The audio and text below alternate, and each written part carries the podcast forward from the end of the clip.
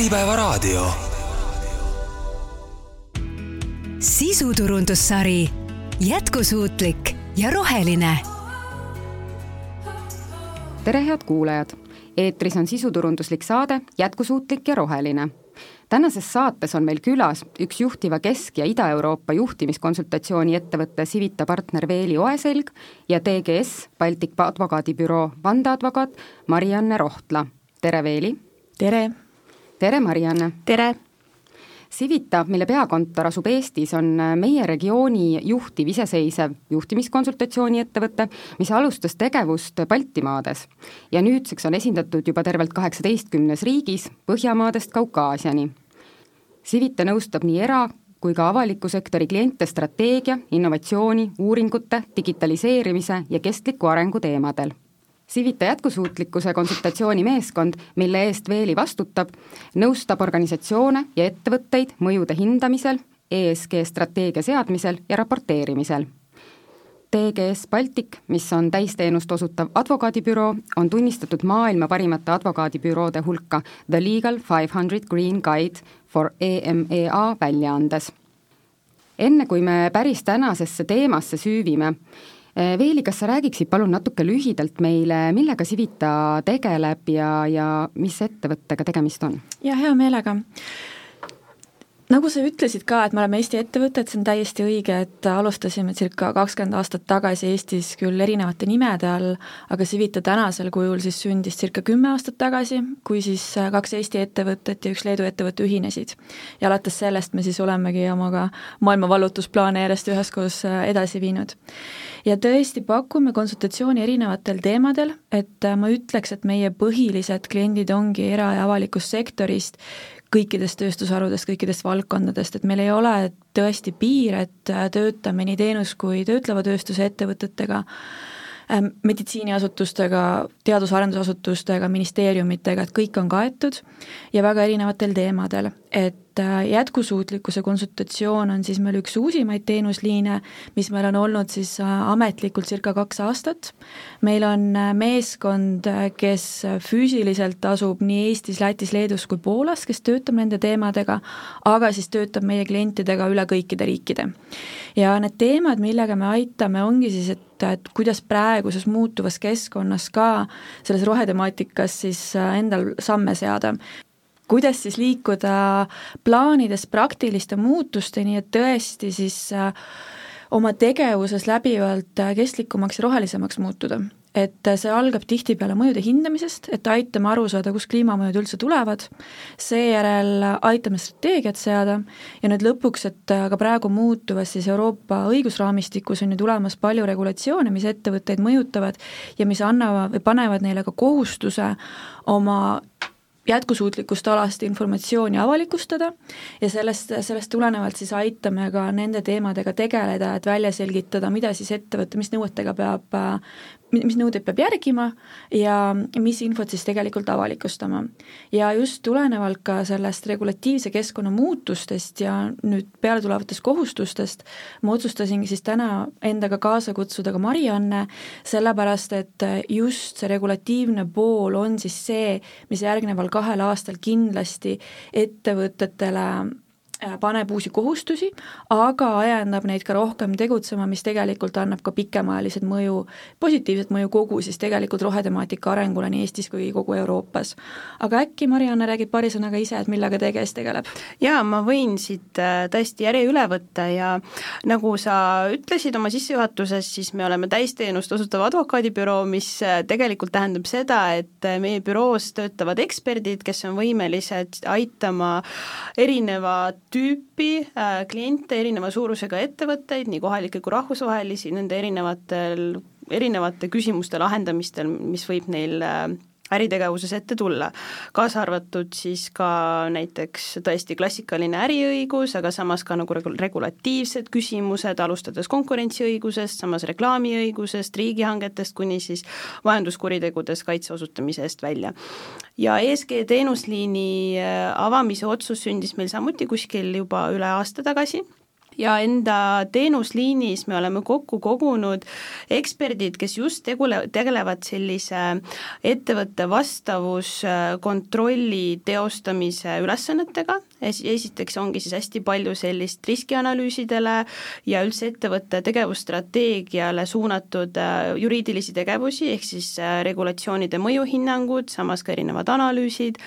vastavushindamised, aga sealjuures ka otse loomulikult sisekordade koostamine, aga ja lisaks siis ka esindamine läbirääkimistes, esindamine vaidlustes, esindamine toodete väljamõtlemises ja nii edasi, et äh, selline äh, sümbioos Civitaga on meil äh, noh, tulebki siit nagu väga hästi välja, et meie aitame nagu laduda seda regulatiivset ja sellist vastavuskontrollile tuginevat nagu raamistikku, mis tuleneb siis põhimõtteliselt ikkagi kas kehtivatest seadustest, standarditest, vahenditest või siis lihtsalt strateegiatest ja siis äh, kogu selline siis ähm, või no suures osas siis äriline äh, teostatavus siis tuleb lo-, hästi loomulikult Elsivita poolt hakkame täna rääkima täpsemalt siis ESG-st ja ettevõtete rohepöördest. ja sellega seoses ongi Euroopa Liidus vastu võetud äh, juba direktiiv, mis hakkab siis kohalduma kahe tuhande kahekümne viiendal aastal Eesti keeles lahti seletatuna me võime öelda, et see ESG on jätkusuutlik ja vastutustundlik lähenemine ärimajandamisele siis nii keskkonna, sotsiaal- kui ka ühingu juhtimise aspektidest. et eh, mida see direktiivi jõustumine kaasa toob ja keda see täpsemalt mõjutama hakkab? Eh, jah, ma võib-olla isegi astuksin sammukese tagasi, et eh, üks, eh, me kindlasti jõuame ka rääkida sellest nii-öelda, ütleme selle kohta nii-öelda ESG direktiiv, mis näeb ette siis raporteerimiskohustuse ja kaasuvad tegevused. aga samas on ka lisaks sellele ka muid õigusakte ja strateegiaid ja eesmärke, mille raames neid uute kohustuste lisamist ettevõtetele kavandatakse, et samuti ka no muu, üks, üks osa on siis seesama raporteerimine, tegevuste kaardistamine ja mõjude hindamine, aga samas ka materjalide taaskasutamine, veidi ka sellist turunduslikku aspekti on sees, et kuidas roheväiteid näiteks äh, avaldada, roheväidete all me mõtleme seda, et äh, millises ulatuses ettevõte saab enda jätkusuutlikkust äh, reklaamida, on ju. ja noh, praktikas ma võin siin otsa lahti teha ja siis Veeli saab ka sõna sekka öelda, et noh, praktikas tähendab see seda, et noh, esiteks muutub jälle see, see reeglistik ja see, ja see üldse see reeglite keskkond, milles, milles Eesti ettevõtted peavad jälle kohanema hakkama, et päris palju on olnud veel sellist eneseregulatsiooni temaatikat, ehk siis äh, meil ei ole olnud nagu selliseid kindlaid reegleid, aga alati on võetud äh, siis näiteks mingisugune selline mõistlikkuse põhimõtte standard, et kust äh,, et, et milliseid otsuseid me peaksime vastu võtma, lähtudes sellest, et millisena see ettevõte ise tahab väljapoole paista. et nüüd siis hakkab selliseid ka noh, nüüd hakkavadki nagu seadused veel isegi rohkem seda ettevõtte ärilist strateegiat äh, mõjutama. ja mõjutab see tegelikult äh, mitte ainult äh, suurettevõtteid või börsiettevõtteid, ettevõtteid, aga samas ikkagi põhimõtteliselt kogu seda ärilist keskkonda, ka tavalisi keskmiseid Eesti ettevõtteid, kes peavad õppima uutes reeglites toime tulema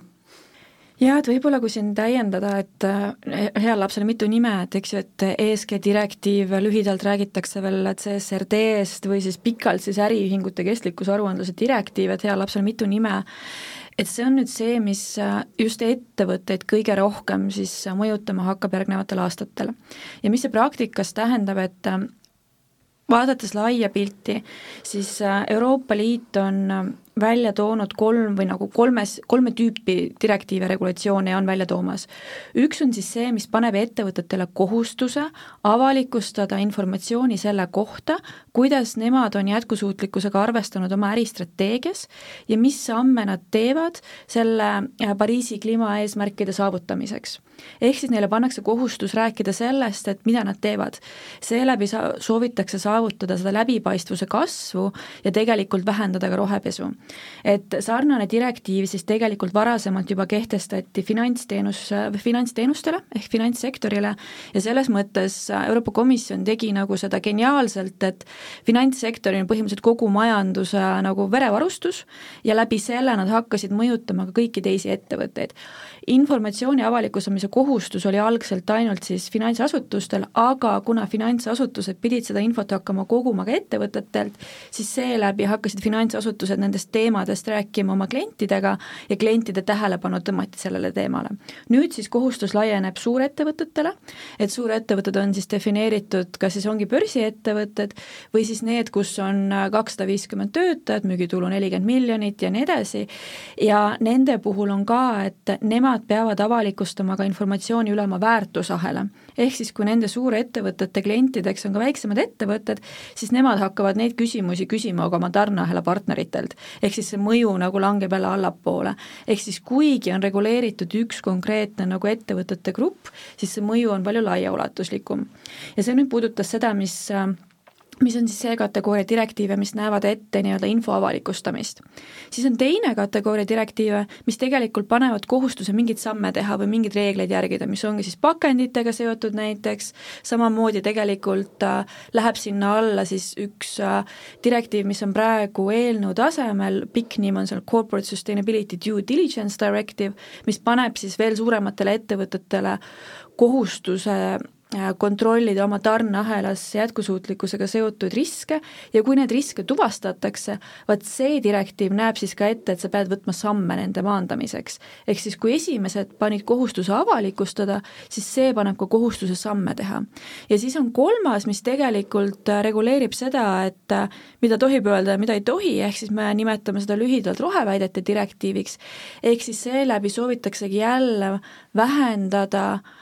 rohepesu riski ja muuta kogu siis see temaatika läbipaistvamaks, ehk siis kui keegi ettevõte väidab, et ta on roheline või tema toode on rohelisem kui mingid muud alternatiivid turul, siis nad peavad hakkama seda tõendama. ehk seda ei saa enam lihtsalt niisama väita, vaid sa pead, sul peavad olema tõendid selleks. ja kogu see regulatsioonide pakett siis hakkabki ettevõtteid mõjutama, mida see praktikas tähendab. üks asi, mis see praktikas tähendab, see, et ettevõtted peavad ette valmistuma selleks, sest et ähm, need ähm,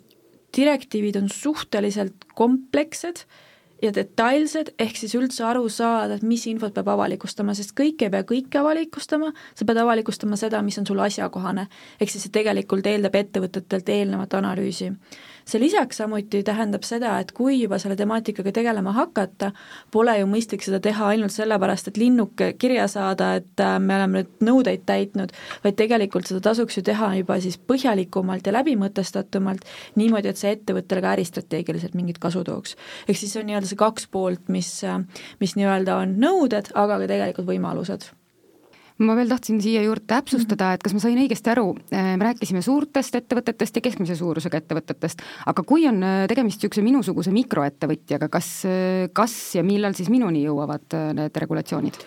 Sinuni jõuavad need regulatsioonid siis, kui sa hakkad koostööd äh, tegema, äh, vahet pole, millises lülis tarneahelas, nagu mõne sellise ettevõttega, kelle jaoks on jätkusuutlikkuse teemad kas juba olulised äh, nende eneseregulatsioonist tulenevatest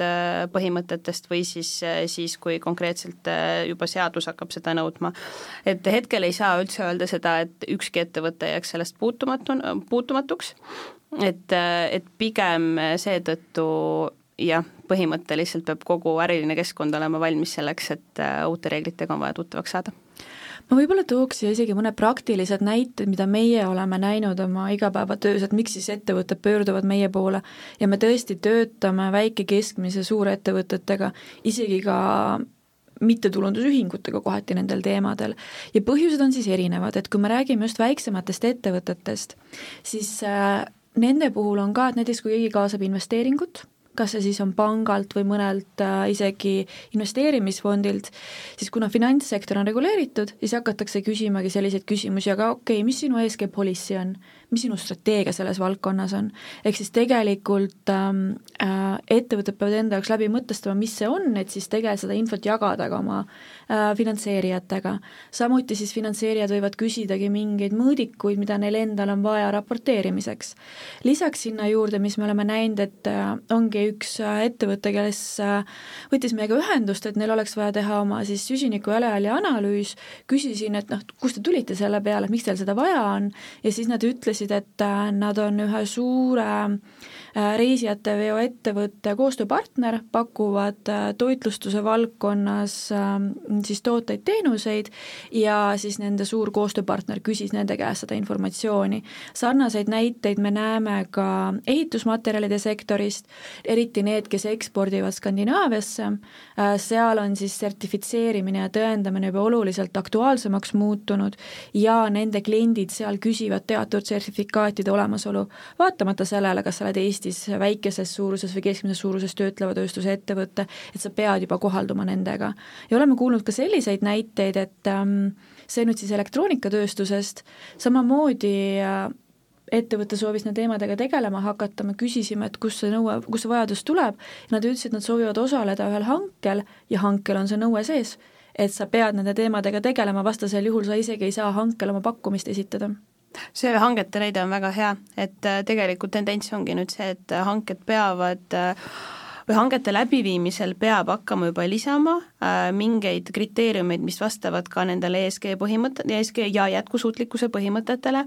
ehk siis äh, järjest rohkem on äh, näha seda, et ettevõtted peavad igatpidi nagu ennast ka ette valmistama just hangetel osalemiseks, näiteks äh, on olnud näiteid äh, kas siis nagu teatud lisasertifikaatide saamiseks, et kui äh, tootja tahab äh, osaleda hankel oma siis toodete noh, kas siis müümiseks, ütleme ütleme niimoodi, ja isegi, kui neil ei tule hetkel praegu seadusest mingit teatud nõuet, näiteks saada mingisugune kas ökomärgis või siis teatud mingisugune vastavusdeklaratsioon, siis selleks, et hankel osaleda, peavad nad selle vabatahtlikult ikkagi tegema ja just sellel eesmärgil, et näidata enda usaldusväärsust, muuhulgas siis ka just jätkusuutlikkuse põhimõtete raames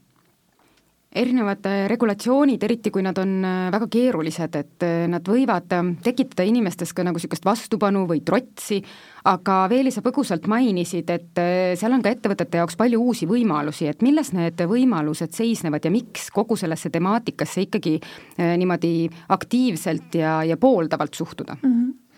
jagaks selle äkki kaheks, et alustakski nagu sellest, et mis on siis sellised nimetaks seda juba selliselt natuke juba hügieenifaktoriteks äkki, et miks seda üldse vaja, et mis, mis uksi see lahti hoiab võib-olla, et kui selle temaatikaga tegeleda. et äh, üks esimene oluline ongi, mida ma mainisin, ka ligipääs rahastusele, et kuna pangad üha rohkem sellele tähelepanu pööravad, et isegi kui minna lihtsalt äh, laenu küsima, siis äh, võib panga kliendihaldur sinu käest küsida, et okei okay,, hindame ka ESG-ga seotud riske, et mis sul praegune siis seis selles valdkonnas on. et tean, et siin enamus Eesti panka hakkasid nad tegelikult sisse viimas siis ESG äh, krediidireitingu süsteemi oma suurematele korporatiivklientidele. Äh, lisaks sellele siis äh, kindlasti ongi ka jätkuv konkurentsipositsiooni säilitamine välisturgudel kus äh, ESG temaatika on siis mõnevõrra, mõnevõrra rohkem arenenud kui näiteks Eestis, et noh, et üks on siis kindlasti näiteks Lääne-Euroopa, räägime Saksamaa, Prantsusmaa, teine, kus ma arvan, et noh, mis ikkagi Euroopa kontekstis on veel kõige rohkem eesrinnas, on kogu Skandinaavia, et kui sa ikkagi tahad Skandinaavias teatud klientidega koostööd teha, siis ma arvan, et paari aasta perspektiivis see ei ole realistlik, kui sa ei ole nende teemadega tegelenud. kui sul ei ole tehtud oma mõjude hindamist, kui sul ei ole strateegiat, kui sul ei ole sertifikaate. et see on juba puhtalt selle tänase normaalsuse säilitamiseks on oluline nende teemadega tegeleda. aga sinna juurde tulevad ka siis ähm, täiendavad aspektid, et noh, et tulevased turuvõimalused, et mida erinevad uuringud siis näitavad, on see, et tarbijate nõudlus rohetoodete ja teenuste järgi on kasvav, sellepärast et üha rohkem räägitakse, tegelikult ka inimesed tajuvad keskkonnaga seotud probleeme, kliimamuutustega seotud probleeme, mistõttu ollakse ka oluliselt teadlikumad oma valikute suhtes. näiteks on oluliselt kasvanud äh, Google'is rohetoodete otsingud, ehk siis inimesed otsivad alternatiive oma tänastele valikutele, lisaks on kasvanud äh, valmidus maksta rohetoodete eest, et üks lihtne näide, mis ma toon, on, et kui palju on kasvanud vabapidamisel kanade, munade nõudlus viimastel aastatel. et see on üks lihtne näide, et kuidas me tegelikult ise oleme oma valikuid juba muutnud, me ei pane seda tähelegi. ja seda on üha rohkem, et tegelikult neid võimalusi turul on, ehk siis äh, kui ettevõtted nutikalt vaatavad oma valdkonnas, nad tegelikult saavad isegi nii-öelda laiendada oma äritegevust, et minna uudesse tootesegmentidesse, otsida uusi võimalusi, mis pikas perspektiivis tegelikult toovad neile ka jätkusuutlikkuse oma majanduskasvu, sellepärast et mitterohelised tooted, nende turuosa hakkab kahanema. et see on selline pikema vinnaga, aga see kindlasti veel tuleb. ja siis äh, sinna ma nüüd lisaks veel kolmanda kategooria juurde, on tegelikult päris kliimariskid ja sellega seotud kahjude ennetamine. et ma arvan, et kõige ehedam näide on siis see, et vaatame siis hetkel, mis põllumajanduses toimub. et ka see on kuskilt alguse saanud ja see on alguse saanud nendest samadest kliimamuutustest ja see on nüüd meile väga lähedale jõudnud. et tegelikult ettevõtted peavad hindama oma keskkonna ja kliimariske, tulenevalt sellest, et mis siis ümbruskonnas toimub. Ja neid näiteid on Euroopast viimastel aastatel üha rohkem, et näiteks sellel, sellel aastal tulenevalt suurest põuast siis näiteks kogu Hispaania turismisektor kannatab, sest et nad pidid hakkama reaalselt reguleerima veekasutust hotellides. Et praegu see tundub meile kauge, aga see tuleb üha lähemale. Ja kui sa teed koostööd selliste ettevõtetega, kes on mõjutatud selle poolt, siis see hakkab ka tulevikus mõjutama nagu sinu, sinu müügitulu tegelikult. ja sinna juurde siis ka loomulikult see, et võtame eelmise suve, kus tulenevalt suurest kuumusest esiteks ettevõtetele tuli rohkem kulusid sisekliima hoidmiseks, osad töötleva tööstuse ettevõtted pidid reaalselt tööseisakuid tegema, sellepärast et temperatuurid tööstushoonetes läksid ebamõistlikuks, mis tähendab jällegi omakorda kulusid. et ettevõtted peaksid hindama neid riske pikas perspektiivis, sest et need ei ole nüüd ühekordsed nähtused, vaid et äh, vaadates seda, et me tegelikult täna liigume ikkagi kõige negatiivsema kliima soojenemise stsenaariumit pidi, siis äh, järgnevatel aastatel see probleem tegelikult süveneb, mitte ei vähene ma isegi äh, võtaksin siit nüüd sõnasabast kinni mm, -hmm. et need kliimanäited on siin tõesti väga head ja kui need ikka veel mõnele kuulajale tunduvad siiski nagu veidi kauged, siis võime võtta isegi sellist midagi päris nagu käegakatsutavat, ehk siis äh, kõik tegevused, mis toimusid äh, koroonakriisi alguses. et väga vähe oli selliseid ettevõtteid, kellel oleks olnud paigas see kriisi lahendamise mehhanism, et meil olid ilmselgelt suured korporatsioonid, kes tänu oma selle nagu olemuse, olemusest tulenevalt olid nagu paika pannud kõik juba eeskirjad, ja toimivad sellised äh, pädevusliinid ja kui juhtuski see üks stsenaarium miljonist, mille realiseerimist mitte keegi kunagi ei oleks oodanudki, siis äh, noh, ainult käputäis ettevõtteid oli niimoodi, et nad ei kaotanud oma pead, neil oli kõik täiesti hästi, et äh, kiiresti moodustati kriisikomisjonid ja nemad ujusid sellest olukorrast noh, nii-öelda ujusid välja palju noh, kiiremini ja nad, ja seal oli ka töötajatega kommunikatsioon ja üldse kogu see ettevõtte toimimine läks nagu rahulikumalt edasi palju, palju kiiremini. Samas kui eh, noh, meil oli ka päris mitmeid tervishoiuasutusi, noh tegelikult koroonakriisis kõik tervishoiuasutused, kellel eh, hoolimata ikkagi nagu reeglite paikapidavusest noh, näiteks ei läinud võib-olla nii noh, nii valutult see protsess, aga noh, see näide ei ole ka võib-olla kõige parem, aga samas kõik muud töötav, tootev tööstus ja rääkimata siis ka teenuse osutamisest, et et nüüd sellest on selles mõttes päris palju õpitud ja on järjest rohkem näha turul tendentsi, et äh, soovitakse siiski juba praegu tegeleda selliste, ongi pädevusliinide ja strateegiate ja selliste noh, reageerimisdokumentide koostamisega. kõige sellisem äh, lähedasem näide veel on ka läbiotsimised, et ja see on ka see, mis meid tulevikus ees ootab, et erinevatel ametiasutustel juba praegu on, mitte ainult politseil või kapol, on tegelikult ka juba praegu õigus siseneda ettevõttesse, et hakata kontrollima siis seda, mis ettevõttes tegelikult toimunud on, selleks, et aru saada, et kas toime on pandud äh, mingeid õigusrikkumisi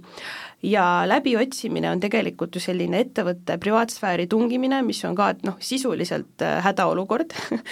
Ja, ja järjest rohkem me oleme hakanud ka soovitama sellist äh, kindlat struktureeritud äh, strateegilist lähenemist, olen sisekordade loomist ja see kõik äh, noh, muidugi ma et kui kõrvutada, on ju, seda kliimariskide lahendamist ja siis sellist noh, äriliste riskide lahendamist, siis nad muidugi ei noh, nad võib-olla ei ole päris nagu samas potis, aga nad tegelikult on, sellepärast et äh, kõik need tegevused, nad liiguvad ikkagi täpselt selle poole, et ettevõtte tegevus ei oleks häiritud, et see oleks jätkusuutlik just sellest äh, sellest siis vastavuskontrolli temaatikast lähtudes ja seetõttu just äh, ka just need läbiotsimised ja muud sellised nagu kriisidele reageerimised, et nende, nendele, nendega, nendele fookuse seadmine on ka võib-olla ka üks tegevus, mida võiks kohe praegu hakata noh, mõtlema läbi enda ettevõtte juhtkonna tasandil, et kas äkki ikkagi võiks sellega ka, ka tegelema hakata. Kui nüüd äh, saate esimene pool veel kokku võtta lühidalt, Tõesti, see direktiiv hakkab siis kehtima ettevõtete jaoks kahe tuhande kahekümne viiendal aastal, muud võib-olla rohepööret puudutavad regulatsioonid isegi veel hilisemas tulevikus, siis miks on Eesti ettevõtetel vaja juba praegu väga aktiivselt selle teemaga tegeleda? Võib-olla alustaks tagantpoolt, et võtaks siis selle aasta kaks tuhat kakskümmend viis, eks ju. et kaks tuhat kakskümmend viis seda informatsiooni avalikustada, siis see tähendab seda, et seda infot peab ju koguma aastal kaks tuhat kakskümmend neli kohta. selleks, et teaks, mida aastal kaks tuhat kakskümmend neli üldse koguma peab, peaks ju selle esimesel võimalusel välja selgitama, ehk siis tegelikult äh, juba sellel aastal, et millest see siis tuleneb, on see, et äh, kokku siis äh, CSRD näiteks, kui me nüüd räägime konkreetselt sellest, seal hetkel praeguses versioonis on circa seitsmekümne indikaatori ringis, aga kõik ettevõtted ei pea avalikustama informatsiooni kõigi kohta, vaid et nad peavad avalikustama nende kohta, millele neil on mõju. Äh, seal on ette nähtud siis eraldi analüüs eelnevalt mis tuleks läbi viia, et välja selgitada, millised siis nendel on asjakohased, asjakohased äh, äh, mõõdikud valdkonnad, mille kohta informatsiooni avalikustada ja selle analüüsi peakski siis esimesel võimalusel läbi viima. et see on nagu üks pool sellest ja teine asi on see ka, et kindlasti osade nende mõõdikute kohta on see, et täna ei ole ettevõttel neid nende andmete kogumise süsteem, et tuleb üldse välja mõelda, kuidas neid andmeid koguda ja seetõttu oleks parem varem teada, mida üldse koguma peab, et siis see, selle tulemusel ka endale seda süsteemi üles seada. ehk siis saavutada see selgus, mida üldse tegema peab ja selle põhjal hakata oma samme seadma. aga teine pool sinna juurde on ka see, et nüüd nende kogu selle seadusandliku keskkonnaga on see olnud, et mitmeid neid direktiive ja regulatsioone on mõnevõrra nagu edasi lükatud tähtaegade mõttes, sest komisjon üritab ka välja mõelda, et noh, mis see parim süsteem on, et nad teevad avalikke konsultatsioone ja nii edasi küll aga mis praegu on näha, et turud liiguvad kiiremini kui direktiivid. ehk siis tegelikult selles osas nagu midagi ei peatu, et finantsasutused hakkavad neid küsimusi küsima, koostööpartnerid tarneahelas juba küsivad neid küsimusi, ehk siis see hetk, kui sul koostööpartner küsib, on natuke juba liiga hilja, sest et me oleme näinud ka, et need tähtajad selle info avalikustamiseks, mis antakse, on tihtipeale väga lühikesed mõned on äh, lahkemad ja ütlevad, et tahame poole aasta pärast, aga on neid ka, kes küsivad siin äh, paari kuu jooksul ja siis on väga keeruline tihtipeale ettevõtetel tegelikult selles ajaperioodis seda infot äh, kokku saada, et parem ennetada, kui siis tagajärgedega tegeleda mm. -hmm. Ja ega siin, see ei ole midagi uut, see olukord, kus turg liigub seadustest ees, et alles ütleme näiteks kümme aastat tagasi, kui oli see veebiplatvormide suur, suur selline noh, tõusukäik, et see oli just siis, kui hakkas tulema see jagamismajanduse, jagamismajanduse ideedel põhinev kogu see ärimudelite temaatika, see kõik oli hästi nagu uus ja huvitav, pluss äh, kuidas kaitsta digisisu, kõik need küsimused olid kogu aeg üleval, aga puudus äh, tegelikult selline noh, spetsiaalne õigusraamistik. et tegelikult alles nüüd võib öelda, et tänasel päeval on meil see enam-vähem nagu koos, aga meil läkski ikkagi noh, tõesti läkski kümme aastat aega, enne kui seadused järgi tulid, aga samas nagu selle aja jooksul jõudsid Äh, tõesti tekkida täiesti uued töökohad, täiesti uued ärimudelid, mis siis kõik nagu tegelikult kuidagi olemasolevate selliste põhireeglite alusel ja samas ka sellise nagu ongi turu mõjutuste tulemusel siis nagu edasi liikusid. ja ma arvan, et äh, see jätkusuutlikkuse mm, printsiipide arvestamine, et see on üks nendest, äh, mis tähendab ka seda, et sellega noh, et ongi oodata nagu tegelikult seda, et sellega mitte ainult ei pea, vaid ka soovivad väga paljud juba iseseisvalt hakata tegelema enne seda, kui nii see CSRD või siis ütleme, ESG direktiiv, aga ka teised äh, seadused järgi jõuavad. ja nagu Veeli ütles, et, et noh, tegelikult see kaks tuhat kakskümmend viis aasta ei ole enam üldse kaugel, et kui vaadata ka näiteks äh, päris äh, tegevuste perspektiivis, siis näiteks tootearendus on väga pikk protsess, on ju, et isegi kui juba praegu tahad noh, tahta hakata mm, ümber fokusseerima oma mingeid tootmisliine selle eesmärgiga, et hiljem olla siis valmis, äh, valmis müüma mingisugust toodet, mida soovitakse näidata nii-öelda rohelisemana, et, et siis peab sellega juba noh, tõesti juba praegu tegelema. Ja samas, miks see on siis oluline aasta kaks tuhat kakskümmend viis perspektiivist, on see, et kõik need väited, mida ettevõte hakkab enda, enda jätkusuutlikkuse kohta avaldama, nende tõesust kontrollitakse, sellepärast et äh, mida, mida rohkem aega edasi, siis seda nii-öelda rohepesu, ehk siis äh, selliste mittetõeste väidete avaldamine enda jätkusuutliku tege- või tegevuse jätkusuutlikkuse kohta, äh, sellist tegevust järjest rohkem hakatakse sanktsioneerima, karmistama, selle üle järelevalvet äh, teostama, et hetkel veel mõned aastad tagasi oli see selline noh, selline nali, aga nüüd on Euroopa Komisjon järjest rohkem hakanud rõhku panema, juba praegu meil on olemas sellised nii-öelda pehmed suunised, mida peavad nii ettevõtted, aga samas ka järelevalveasutused äh, tähele panema ning äh, noh, varsti on siis tulemas ka sellised nagu seaduse tasandil konkreetsed äh, kohustused. ja selle rohepesuga samas on ka ju see, et noh, see, me ei räägi tegelikult ainult seda, et mida üks ütleb, mida üks ettevõte ütleb enda tegevuse kohta ja siis me kontrollime seda, et kas see on tõene või vale, aga samas peab ka vaatama sellist nagu noh, kogumit, seda infot kogumis, et näiteks, et kui ettevõte ütleb, et ta on loobunud äh, plastik kust tervikuna, sellepärast et nad tahavad kokku hoida, ütleme, ma ei tea, keskkonda ja siis kulusid, aga tegelikult näiteks mingitest plastiktoodetest loobumine, ütleme, et tootmisprotsessis paneb ohtu näiteks nagu nende tootmisprotsessis töötavate töötajate tervise ja elu, sest ütleme näiteks, et plastiktooted muidu näiteks kuidagi selles tootmisliinis muutsid selle kuidagi kas ohutumaks või siis kiiremaks, siis järelikult tegelikult need kaks asja võib-olla ka päris ei kõnni nagu ühte jalga, et siis peab nagu vaatama seda, et mis siis olulisem on või mis ei võib-olla üks täpsustus siinkohal on ka hästi oluline, et ähm, kui see esimese sammuna ongi, et noh, välja selgitada, et mida siis sina ettevõttena tegema pead, mis infot avalikustama, et me räägime siin aastast kaks tuhat kakskümmend viis, aga tegelikult esimene samm ongi välja selgitada ka, et mis aastast reeglid sulle kehtivad. sest et äh, avalikustamise nõue kehtib erineva profiiliga ettevõtetele, hakkab kehtima erinevatel aastatel. on üks grupp ettevõtteid, kellel see on aasta kaks tuhat kakskümmend viis, on teine grupp ettevõtteid, kellel see on aasta kaks tuhat kakskümmend kuus, et siin saabki üks esimesi samme olla olla, et vaata korra otsa nendele reeglitele ja selgita välja, et mis aastast see sulle kehtima hakkab mm. -hmm, just, ja igal juhul on see, et, et kui ei taha mõelda reeglitele või kohustustele, siis mõtle vähemalt enda enda lõppsihtrühmale ehk siis tarbijatele, et kuidas sa tahad iseennast näidata väljapoole siis enda sihtrühmale, et noh, ja ma arvan, et ka juba läbi selle mõtteharjutuse tegelikult jõutakse järeldusele, et ilmselt on kuskilt otsast vaja pihta hakata Teil on kindlasti tuua ka selliseid häid näiteid ettevõtetest, kes on juba ESG nõuetest lähtuvalt usinalt tegutsema hakanud, et mi-, mida nemad teinud on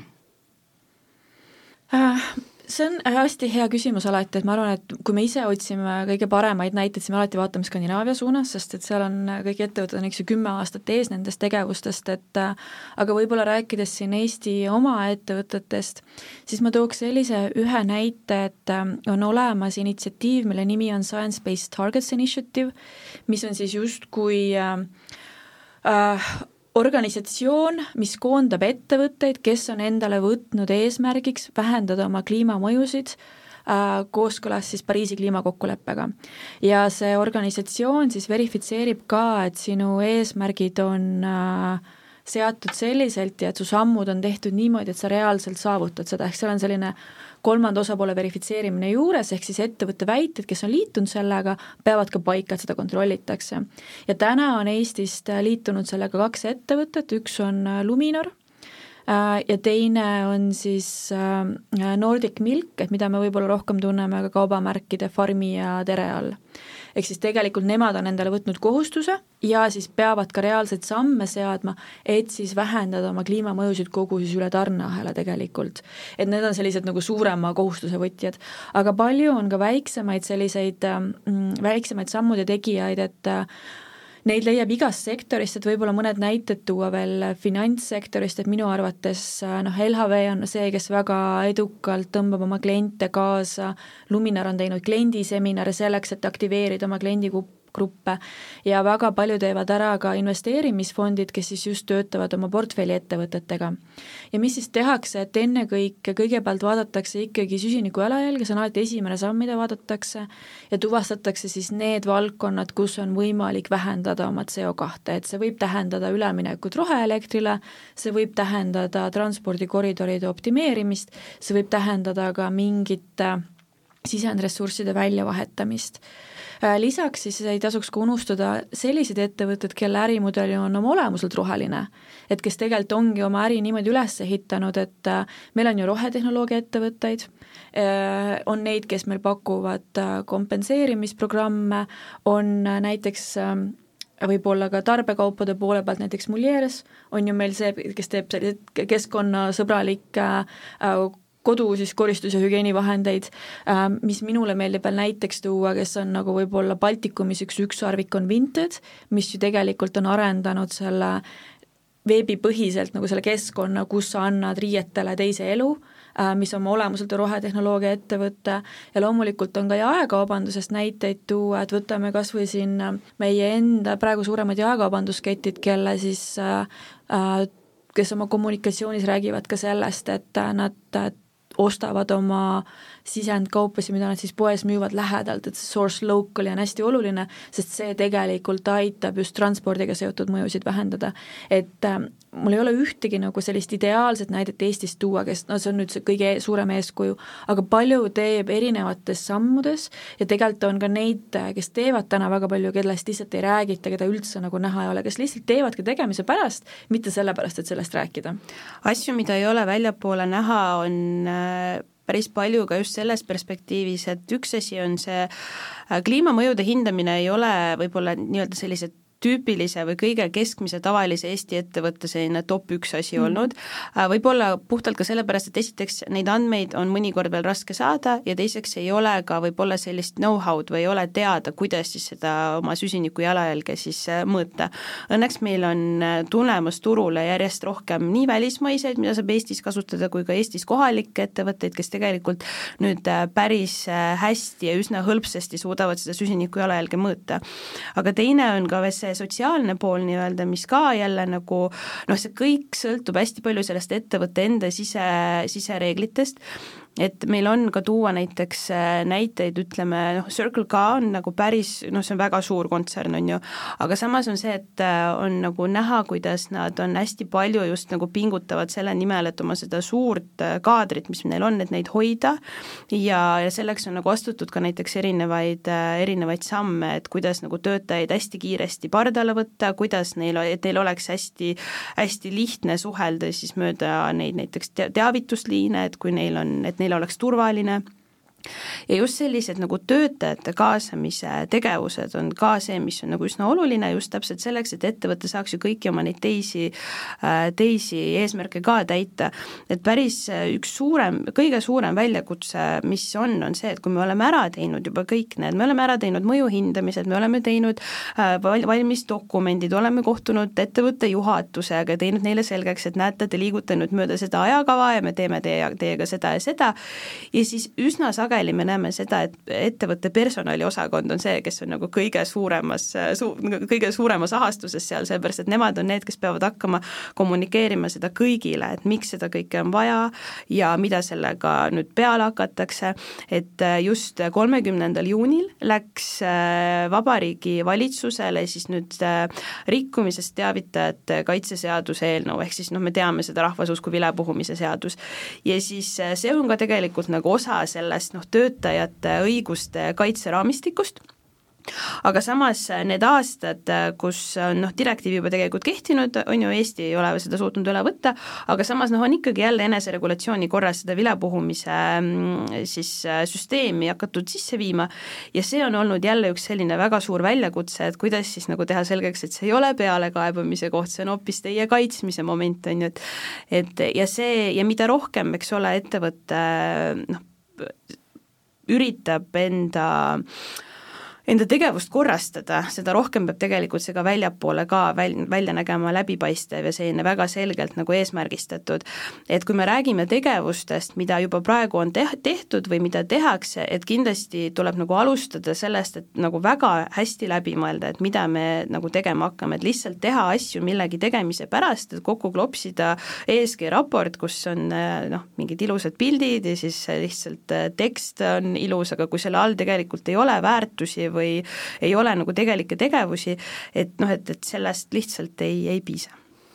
üks teema, millest me tahtsime veel rääkida täna, on äh, dokumendid. et kui siis äh, tõesti ei ole mitte nii, nagu sa just kirjeldasid, et, äh, et klopsitakse kokku lihtsalt igaks juhuks mm -hmm. midagi, on ju, vaid et tõesti tegevused on neid tehakse nii-öelda südamest et milline on see dokumentatsioon, millega siis ära tõestada, et kogu see tegevustikk on tehtud nii-öelda õigesti või et, et ta ongi see läbipaistev, et tõestada seda läbipaistvust siis mm? -hmm. see on, ähm, ma üritan seda lihtsustada, aga tõsi on ka see, et sektoritest, erinevate sektorite kaupa võib see dokumentatsioon olla erinev. aga alati peab äh, esiteks olema see riskide ja haavatavuse kaardistus, noh see kõlab nagu imelikult, on ju, ja võib-olla keeruliselt, aga tegelikult see on ju lihtsalt see, et kus on ohukohad, kohad, millega ettevõte oma ärilises protsessis äh, kokku pistab, ehk siis täpselt nagu me enne juba rääkisime, on ju, kas need on kliimamõjutused, kas need on mingisugused välised mõjutused, kas see võib olla, see võib olla ka lihtsalt see, et lihtsalt gripihooaeg, meil ei pea olema Covid, aga kas, kas on näiteks sellised hooajalised haigused, mis niidavad väga palju töötajaid jalust, mis tähendab seda, et peab jälle kuskilt nagu seda ressurssi optimeerima. Samuti ka jälle, et kui suured on regulatiivsed riskid selles osas, et me näiteks, et meie turundusosakond võib kogemata eksida ja näiteks äh, välja lasta kampaania, mis ei vasta seadustele, millised on need riskid nagu sellisel juhul ja millega me siis kokku puutume, et kaardistada kõik need riskid ja haavatavused. Ja see tegelikult peaks olema ka juba nagu selline dokument, mis on samas ka nagu elav, on ju. siis sealt edasi ongi, et kuidas siis äh, noh, teha siis see mõjude hindamine, et kuidas siis sellest äh, noh, üle saada, et milliseid tegevusi saada selleks, teha selleks, et ähm, noh, et nendest nii-öelda, et neid riske maandada. ja kui see on tehtud, noh siis põhimõtteliselt me jõuamegi, nüüd Veeli saab veel ka nagu täpsemalt rääkida siis sellest, et mida nüüd teha selleks, et äh, kestlikkuse raporti äh, jaoks veel täiendavaid dokumente ja võib-olla andmeid küsida, aga siis, kui see on ka tehtud, siis see on ka nagu selline esimene samm, et vaadata nüüd edasi, et okei okay,, et milliseid tegevusi me siis hakkame raporteerima, milliseid tegevusi me ei pea raporteerima, aga tahame avalikustada ja milliseid tegevusi me lihtsalt peame hakkama tegema selleks, et meie ettevõte kestaks. näiteks advokaadibüroona on noh, kuidagi täiesti ilmselge, aga samas me peame kogu aeg näiteks arvestama seda, et me ei pea näiteks raporteerima seda, noh ütleme, et kui, kui me avaldame oma jätkusuutlikkuse raporti, nagu kusjuures TGS Balticul on tehtud, et me küll ei pea nagu raporteerima eraldi tegevusena seda, et näete, et me saadame oma advokaate iga aasta advokatuuri koolitustele, aga samas see on asi, mida me peame tegema, sellepärast et esiteks seda nõuab seadus ja teiseks on see, et me tahame, et meie advokaadid oleksid oleksid kogu aeg nagu oma võimete äh, tasemel. Võttes siis nüüd sellest, et äh, mida siis ettevõte veel tegema peaks, et ma võib-olla isegi võtaks sammu kaugemale nendest regulatiiv, regulatsioonist ja regulatsiooni nõuete täitmisest, et kui nüüd ettevõte on punktis null ja saab aru, et okei okay,, et ma pean selle teemaga tegelema hakkama, et kus siis alustada. et minu soovitus oleks, et kõigepealt üritada mõista olukorda, et kas ettevõttele kehtivad mingid regulatiivsed nõuded, lisaks mis on klientide ootus, äh, ehk siis kuidas see hakkab mõjutama ettevõtte tegevust järgnevatel aastatel või mis turuvõimalusi see loob, ja kolmandaks, mida konkurendid teevad. Äh, ka just sellest vaatest, et mitte kaotada oma konkurentsipositsiooni ja pigem siis seda rohetemaatikat kasutada ära selleks, et oma konkurentsipositsiooni tugevdada, ehk siis kõigepealt saada aru, et mis toimub teie valdkonnas siis seejärel meie, meie tavapärane soovitus on, et ikkagi hinda oma mõjusid, ehk siis äh, tee kas siis äh, toote olelusringi analüüs või äh, organisatsiooni süsinikujalajälje analüüs, sest me ütleme alati ikkagi seda ka, et kuidas sa saad seada eesmärke, ilma et sa teaksid, kus sa põhjustad kliimamõjusid või sööd CO2 emissiooni. et selle tõttu me ikkagi ütleme, et hinda ära oma mõjud, kvantifitseeri oma mõjud, sest see annab ka parema aluse strateegia seadmiseks, mis siis olekski kolmas samm. et äh, sea strateegia, mõtesta enda jaoks läbi, kuidas sa tahad ennast selles temaatikas positsioneerida, kõik ei pea olema eestjooksjad, mõned võivad võtta endale ka sellise mõõdukama eesmärgi, see on täiesti okei okay,, et keegi ei pea üle oma varju hüppama ja tõesti lähtuda sellest, et mis on teie valdkonnas olukord, mis on ettevõtte suutlikkus. kui strateegia on ära seotud, ambitsioon on sõnastatud, tegevuskava koostatud, siis järgmine samm ongi seire ja monitoori. Ja see on siis juba niimoodi, et teha seda sellisel kujul, et need andmed, mis te kogute, oleks siis ka sisendiks selleks raporteerimiseks, loomulikult on oluline ellu viia ka reaalseid tegevusi, mis siis aitaks oma strateegiat saavutada või oma eesmärke saavutada, ja siis on valikuline, aga on, või siis kohustuslik, sõltub kuidas kellelegi, et avalikusta ja kommunikeeri, et räägi siis sellest, mis sa teed, räägi läbipaistvalt, räägi ausalt ja seejärel siis hinda, kuidas läks ja hakka kordama neid tegevusi, eks ju. et põhimõtteliselt sellised seitse lihtsat sammu, millest peale hakata, et selles mõttes vaadates neid samme ennast, ei ole ju otseselt mingi raketiteadus, aga seal tuleb nagu neid valdkonna eripärasid, siis ongi need regulatiivsed nõuded ja kõik see sinna kokku, ehk see on selline suht kompleksne süsteem. mistõttu me saame ka päris tihti selle küsimuse, et okei okay,, et aga mida ma siis ise saan ära teha ja kuidas siis nagu, kus ma siis abi peaks otsima. ja sellel ei ole ühest vastust. et see sõltubki nüüd sellest, et kui ambitsioonikas ettevõte ise soovib olla ja samuti see sõltub sellest, et mis on siis ettevõtte suutlikkus. meil on selliseid kliente, kellel on endal spetsialistid majja palgatud, sest et nad on seadnud endale suuremad eesmärgid ja siis nad võtavad meie abi väiksemates teemades nii-öelda sisse, kus või seal, kus endal kompetentsi väheseks jääb. ja siis on neid, kellel endal ei ole maja sees eraldi spetsialisti, et siis nendele üldjuhul me aitamegi teha sellise, ma ei tea, nimetame seda näiteks nagu diagnostikaks, et just sellest esimesest punktist aru saada, et mõista olukorda ja see on ka siis see, kus tegelikult TGS saab alati mängu tulla, et aidata just nagu läbi hammustada kogu sellest siis regulatiivsest keskkonnast mm. ja sellest tulenevast nõuetest. et see selline väike esimene stardipunkt annab siis ka siis juba edasise suuna, et kuhu minna, mida ise teha ja mida siis teha koos, koostöös siis kas äh, advokaatidega või siis koostöös äh, konsultantidega. et seal ei ole ühte ühtset reeglit, et mis on õige, mis on vale, vaid lihtsalt enda jaoks tuleb nagu sobiv äh, sobiv ülesehitus äh, leida. Ja meil on ka selliseid kliente, kellega me lihtsalt töötame nii-öelda tunnipõhiselt, vastavalt vajaduspõhisele, keda me siis aitame siis, kui vajadus tekib tegelikult. Mm